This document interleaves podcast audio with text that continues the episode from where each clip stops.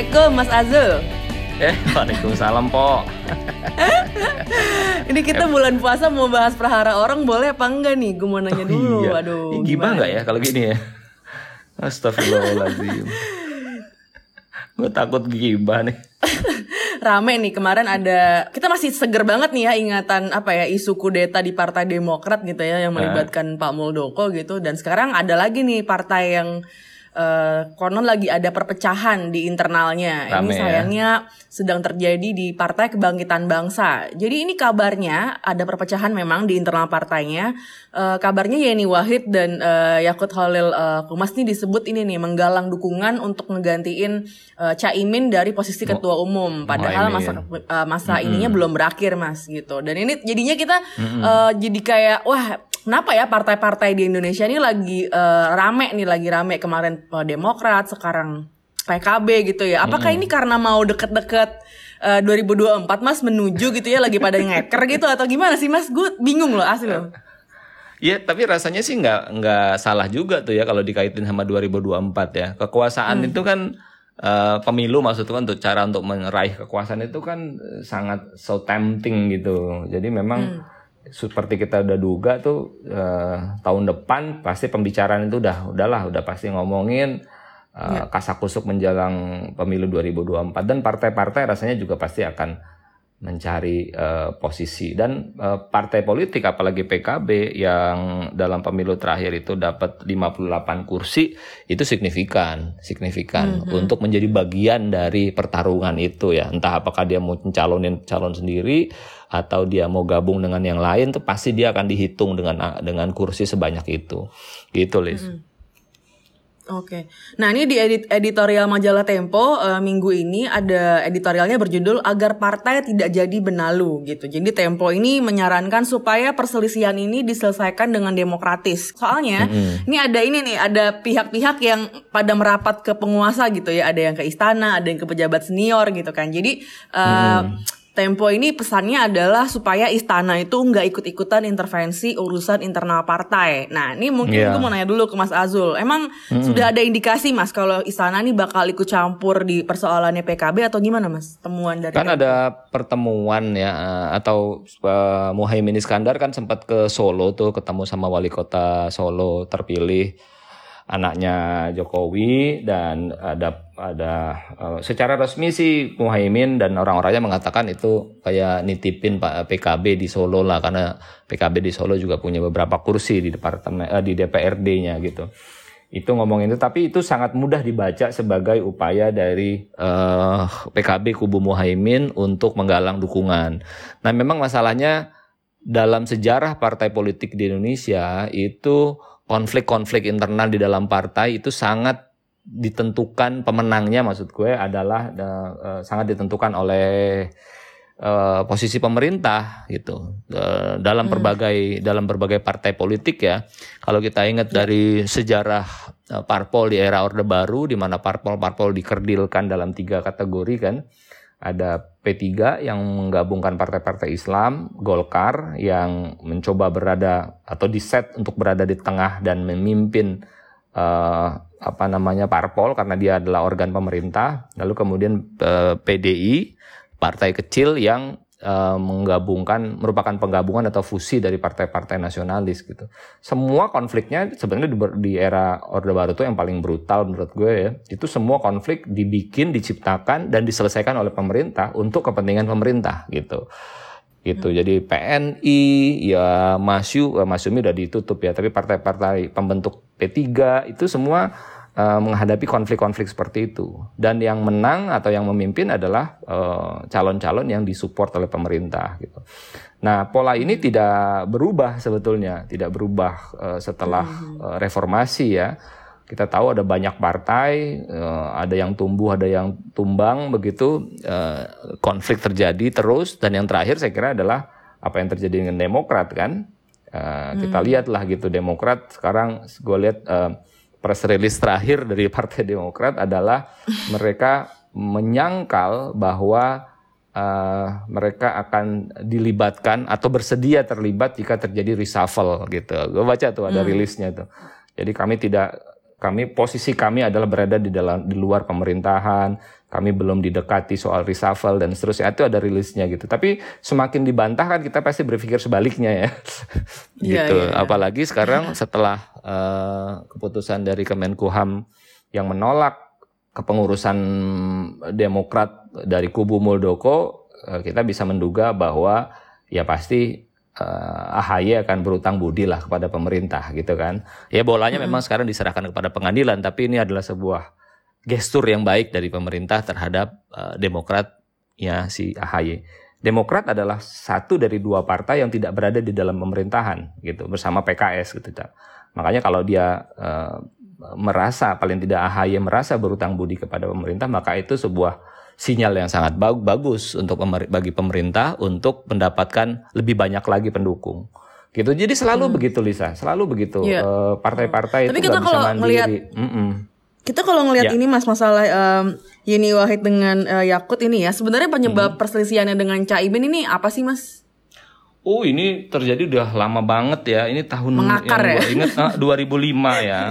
Eh, Iya 2005. Jadi dalam muktamar muktamar di Semarang itu Muhaimin ditunjuk sebagai ketua umum. Nah, di mana kemudian si eh, Gus Dur menjadi ketua Dewan Suro. Ketua Dewan Suro kayak ketua Dewan Pembina lah gitu ya. Ya. Nah, ken- pasangan ini dianggap waktu itu dianggap bagus karena ini paman sama sama ponakan. Ya Muhaimin ini ponakan langsung dari Gus Dur Hmm. gitu. Nah kemudian itu lalu kemudian Gus Dur ngelihat bahwa si apa Muhaimin ini semakin merapat kepada SBY gitu, semakin merapat ke SBY lalu kemudian terjadi konflik internal dan akhirnya mereka bikin eh, apa eh, Gus Dur memecat si Muhaimin dipecat lalu kemudian eh, ngelawan bikin muktamar tandinga bikin muktamar kalau nggak salah di Ancol waktu itu. Sementara Gus Dur kelompoknya Gus Dur bikin muktamar juga di Parung di Bogor situ. Jadi ada dua dua kepemimpinan. Nah begitu dua kepemimpinan dibawa ke pengadilan eh, keputusan pengadilan adalah kepengurusan PKB dikembalikan kepada Muktamar Semarang yang menjadikan Muhaimin sebagai ketua umum dan Gus Dur sebagai ketua Dewan Suro gitu. Jadi balik lagi ke yang awal. Nah, cuman karena Muhaimin sebagai ketua de, apa, ketua umum dan dia sudah sangat kuat eh, dan konfliknya tidak selesai, maka eh, Gus Dur nggak digubris sama dia waktu itu. Jadi keputusan-keputusan diambil sendiri aja. Dan kalau kita bicara keputusan di dalam partai politik itu keputusan yang sangat penting, termasuk urusan-urusan yang berkaitan dengan posisi kekuasaan ya. Misalnya penentuan DPC ya, daf, apa DCT ya, daftar calon tetap untuk DPR, DPRD gitu. Lalu kemudian eh, kalau dia nanti masuk ke dalam lingkaran kekuasaan siapa yang jadi menteri gitu. Nah itu Muhaimin jalan sendiri tuh gitu. Nah, itu Gus Dur marah sekali. Gue inget kemarin tuh atau minggu lalu ya, itu beredar satu surat yang ditulis sama Lisa Wahid gitu. Hmm, Dan gimana itu tuh ah, eh, Lisa itu nulis menurut gue bagus ya. Lisa anaknya Gus Dur yang paling tua ya. Ya. Gue itu ikut dalam grup eh, WA yang ada Lisa aja gitu. Nah, Lisa tuh cerita tuh, tuh. Eh, dia bilang bahwa eh sekarang ini dalam kemelut Pak- Pak- kemelut di dalam PKB ini eh, dia mendengar bahwa ada orang-orangnya Caimin yang eh, menyampaikan bahwa konflik dulu, konflik antara dia dan bapaknya itu Muhaimin dan dan pamannya itu sebetulnya direkayasa oleh Gus Dur. Kira-kira gitulah kata Lisa ya menceritakan oke. itu. Eh, tujuannya apa? Tujuannya supaya ingin mengatakan kepada publik bahwa eh, sebetulnya Muhaimin itu loyal kepada pamannya, gitu. Jadi dia bekerja sebenarnya atas perintah pamannya, dan itu semua rekayasa Gus Dur, gitu. Nah Lisa tuh membantah habis-habisan eh, apa st- apa klaim itu karena menurut dia bapaknya itu sakit hati sekali dan sampai beberapa kali stroke tuh karena karena mikirin PKB dia bilang gitu. Nah satu salah satu cerita yang eh, ya cukup menyentuh menurut gua adalah ketika Gus Dur lagi nonton TV dan di TV ada statement dari orang PKB yang mengatakan bahwa udahlah Gus Dur tuh ngurus NU aja nggak usah ngurus PKB gitu. Padahal orang yang ngomong itu adalah orang yang eh, diajak oleh Gus Dur masuk ke politik gitu. Wah itu yang dia selesai nonton TV dia ke kamar mandi jatuh itu stroke pertama Oh, gitu. Nah yang lain adalah Lisa cerita dia eh, Gus Dur minta sempat minta u- pinjem uang ke Lisa Eh, nggak banyak katanya buat 5 juta aja deh buat pegangannya bapak gitu. Oh dia buat orang segede Gus Dur ya Iya iya iya. gitu kan. eh, oh, 5 juta aja kok problem gitu. Nah ternyata Gus Dur uh, sedang nyiapin uang lain untuk menggelar muktamar PKB lagi untuk meluruskan kira-kira gitulah ya meluruskan jalan PKB yang dianggap sudah menyimpang gitu. Jadi intinya adalah Gus uh, menurut Lisa uh, bapaknya komit terhadap PKB dan sangat komit untuk membangun partai dalam pengertian yang baik uh, sebagai penyalur aspirasi publik kira-kira begitu. Hmm gitu. Dan itu uh, surat itu beredar luas ya menurut gua ada WA group segala macam dan respon orang tuh sangat bagus gitu. Nah mm. inilah memang yang terjadi ya di di PKB uh, mm apa uh, si Muhaimin Iskandar dianggap sebagai ketua umum yang mencat-mencatin anak buahnya gitu terus PKB dalam kepemimpinan Muhaimin juga dituding uh, mm. sering mengkomersilkan uh, keputusan untuk penempatan orang di dalam calon uh, hmm. bupati, calon gubernur dalam pilkada, bahkan juga dalam uh, penetapan orang untuk menjadi anggota legislatif gitu, Lis. Uh, Mas, kalau Tempo melihat uh, ada pola yang sama nggak sih antara Kongres luar biasanya Demokrat nih dengan nanti nih muktamar uh, muktamar uh, luar biasanya PKB gitu? Tentu dalam satu hal dia berbeda yaitu uh, KLB-nya Demokrat itu ada ada unsur pemerintah di situ yaitu Pak Muldoko hmm. kan. Hmm. Ya kan? Tapi dalam hal lain dia jadi sama yaitu ada ketidakpuasan terhadap pemimpinan ketua partai yang definitif yang yang sekarang hmm. yaitu AHY gitu. Nah, itu juga terjadi dalam uh, dalam PKB-nya Muhaimin gitu. Jadi eh, ininya sama. Nah, yang lain adalah kesamaan lain adalah uh, kepercayaan partai politik bahwa hmm, kelompok atau kubu yang yang bisa memenangkan pertarungan adalah kubu yang nggak bisa lari dari pemerintah gitu.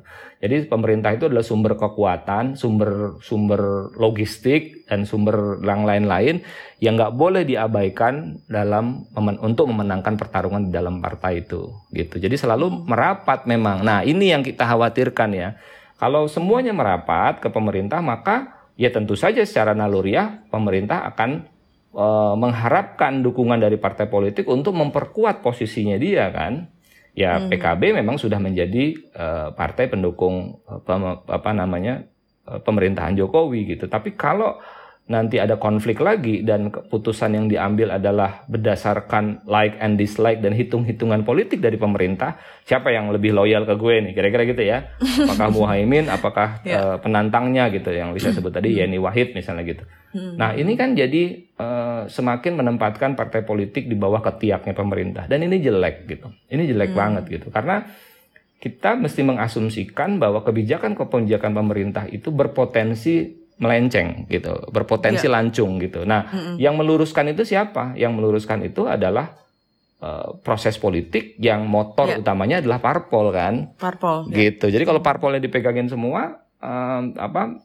proses proses pembangunan yang melenceng itu nggak pernah bisa dikoreksi gitu. Kalau media kan hmm. cuma teriak-teriak doang nih, Lis. Teriak aja gitu tiap minggu kita diskusi, tiap minggu kita podcast gitu kan. Tapi kan kalau mau diabaikan nggak bisa maksa gitu. Media tuh nggak bisa yeah, maksa yeah, gitu yeah. aja gitu. Yeah. Kalau parpol kan jelas real ininya yeah. perannya gitu. Oke. Okay. Mas kalau kita lihat nih Mas pemetaan di dalam PKB gitu ya sejarahnya gitu antara kubunya Gus Dur dengan kubunya Caimin gitu ya. Hmm. Uh, jadi tuh sekarang uh, petanya gimana tuh mas antara dua itu? Misalnya sekarang uh, Yeni Wahid ya karena Gus Dur sudah almarhum gitu. Uh, petanya tuh gimana tuh mas antara dua kubu itu? Kalau ngelihat sejarah, apakah mungkin kubu Gus Durnya ini malah tersisi dari partai gitu karena udah kalah kekuatan atau gimana mas?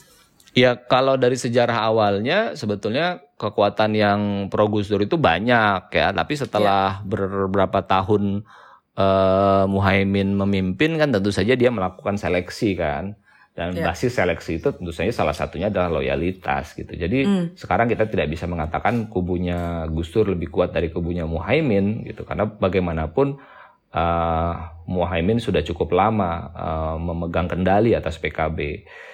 Nah, masalahnya adalah muncul ke kekecewaan di sana sini gitu. Nah, berapa banyak orang yang kecewa, berapa banyak orang yang berada dalam posisi menentang kepemimpinan Muhaimin itu semua jadinya hmm. klaim gitu. Jadi kita mesti hmm. cek satu-satu tuh apa iya.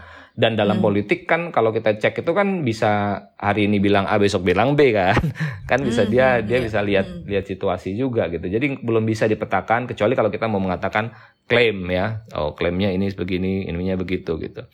Itu. Nah, eh, yang lain adalah eh, saya kira harus diakui bahwa kepemimpinan Muhaimin itu uh, secara signifikan uh, ada dampaknya loh buat membesarkan PKB. Lepas dari soal caranya bagaimana ya, kita bisa setuju atau tidak setuju dengan cara. Tapi kalau kita lihat dari uh, jumlah kursi saja, jadi Muhaimin itu bisa meningkatkan suara PKB di DPR Uh, itu melebihi dari suara pertama dia ketika ikut pemilu yaitu pemilu 99.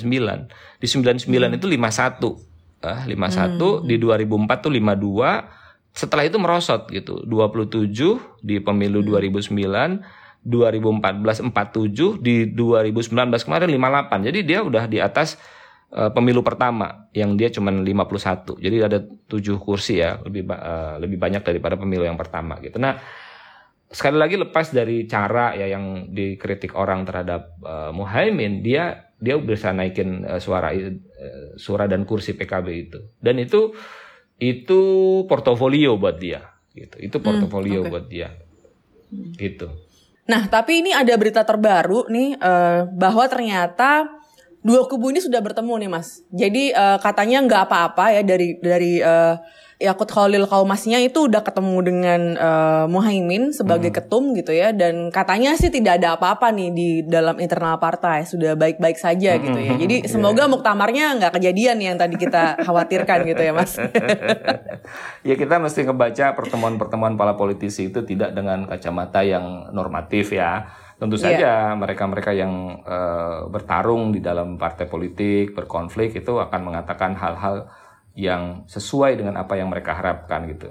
Uh, hmm. Barangkali kita bisa katakan bahwa yang diharapkan adalah tidak muncul satu kegaduhan gitu, tidak hmm. muncul satu yeah. kegaduhan yang bikin suasana jadi nggak enak. Nah, uh, sikap alergi terhadap kegaduhan ini sebetulnya ciri khas dari pemerintahannya Jokowi gitu.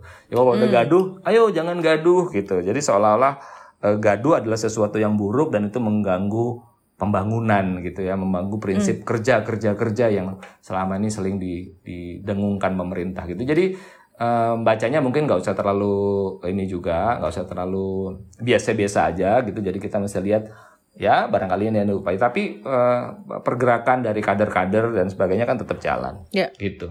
Mas ini kenapa sih uh, Tempo di uh, di editorialnya menyebut ya ini partai yang cenderung tertutup dan otoriter itu bisa jadi benalu buat kita.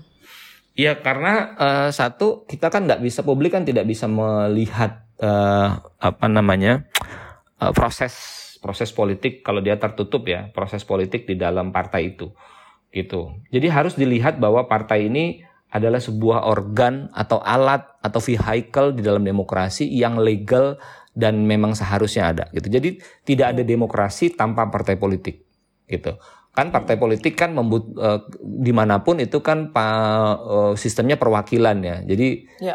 jadi rakyat itu mewakilkan suaranya lewat pemilu lewat partai gitu. Prosesnya pemilu untuk memilih orang di dalam partai. Nah dari situlah proses politik terjadi.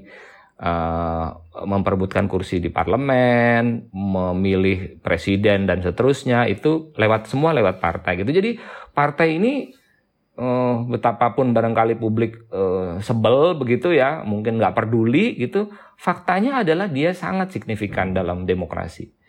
Nah, yang harus dilakukan adalah kita bagaimana kita ngejaga supaya partai ini sehat gitu. Hmm. Nah, di Indonesia partai-partai yang kebanyakan atau banyak tumbuh di setelah reformasi adalah partai-partai yang bertolak dari tokoh, dari orang dan kemudian orang ini mengembangkan kepemimpinan yang ya nanti abis dia anaknya jadi ketua dan seterusnya. Jadi kekuasaan di, ber, berpusat di satu orang. Jadi bukan partai kader.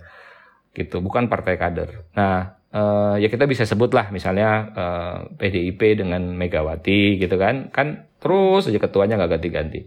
Lalu siapa lagi? Uh, Demokrat gitu ya. Demokrat dengan SBY dulu sempat mau di mau di uh, sapih dari keluarga Cikeas ketika itu pertarungan antara Anas Urbaningrum sama uh, Andi Malarangeng kan inget nggak tuh dulu ada kongres yeah. di Bandung nah, Anas kemudian menang lalu kemudian melenceng karena ada kasus korupsi akhirnya diambil lagi oleh Pak uh, SBY lalu ke anaknya gitu jadi partai itu tidak bisa lepas dari uh, figur orang gitu Hmm. Uh, yang benar-benar partai kader sebetulnya kita bisa bilang adalah PKS dan Golkar gitu. Itu yeah. sama sekali nggak ada hmm. figurnya hmm. gitu.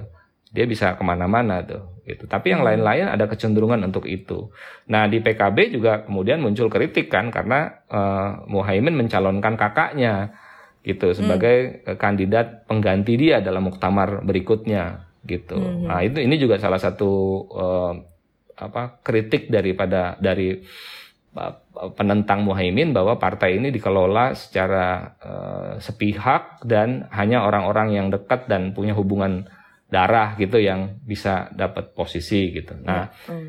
jadi eh, padahal sebelumnya nggak begitu PKB. Jadi emang ada kekhawatiran-kekhawatiran kayak gitu. Nah, kalau partai-partai ini dibiarkan uh, tertutup, lalu kepemimpinannya berdasarkan tokoh gitu, jadi kita nggak bisa mengharapkan Eh, partai ini tumbuh menjadi sebuah kekuatan yang terbuka, menyalurkan aspirasi publik dengan baik gitu. Karena yang lebih kuat adalah aspirasi dari pimpinannya. Hmm, oke. Okay. Gitu ya, Mas. Berarti uh, kita mas kayaknya masih lama nih untuk dapat uh, partai yang bisa yang kaderisasinya mungkin lebih mantap gitu ya, Mas. Kita pilihannya dikit banget gitu kalau emang mau kayak gitu. Uh, jadi gimana kita harus uh, menyikapi nanti nih, Mas? Uh, apa konflik-konflik partai yang kayak gini? kita kan sebenarnya penonton nih ya warga nih ya bukan uh, cuma iya. bisa bilang pemerintah jangan ikut-ikutan dong gitu kan tapi iya. terus uh, kita gimana ya menyikapi yang kayak gini mas harusnya ya kalau publik itu bisa bisa berperan dalam dalam partai politik kan sebagai pemilih ya itu hmm. aja kan secara formal yeah. kan itu saja yang bisa dilakukan. Ya kita dapat privilege hmm. lalis kita bisa punya podcast gitu kan. Nah, kita bisa nulis di editorial gitu kan. Teriak gitu. Yeah. tapi kalau dia baik kan ya nggak apa-apa juga. Nggak bisa maksa yeah. juga kan.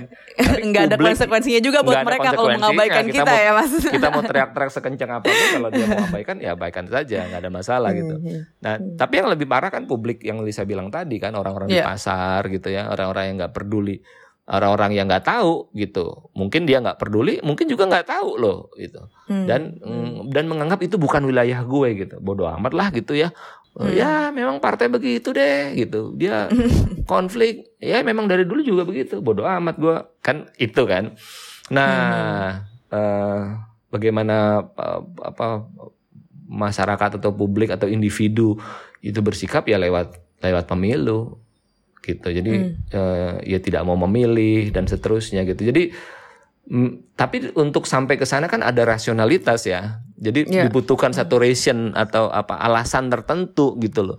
Hmm. Untuk bisa orang sadar bahwa oh gua nggak mau pilih partai A karena uh, konfliknya menjijikan misalnya gitu ya hmm, atau dia hmm, sekarang hmm. sudah uh, diinin sama pemerintah gitu kan perlu perlu perlu pemikiran barangkali orang-orang di kota orang-orang terdidik bisa lah punya pikiran begitu. Tapi orang-orang di ya minta maaf di di tempat-tempat yang jauh begitu yang bisa gampang disetir hanya dengan dikasih kaos begitu atau sembako ya selesai udah gitu. Mm. ya kan? Jadi konflik uh, dan seterusnya itu jadi tidak relevan terhadap orang-orang seperti itu.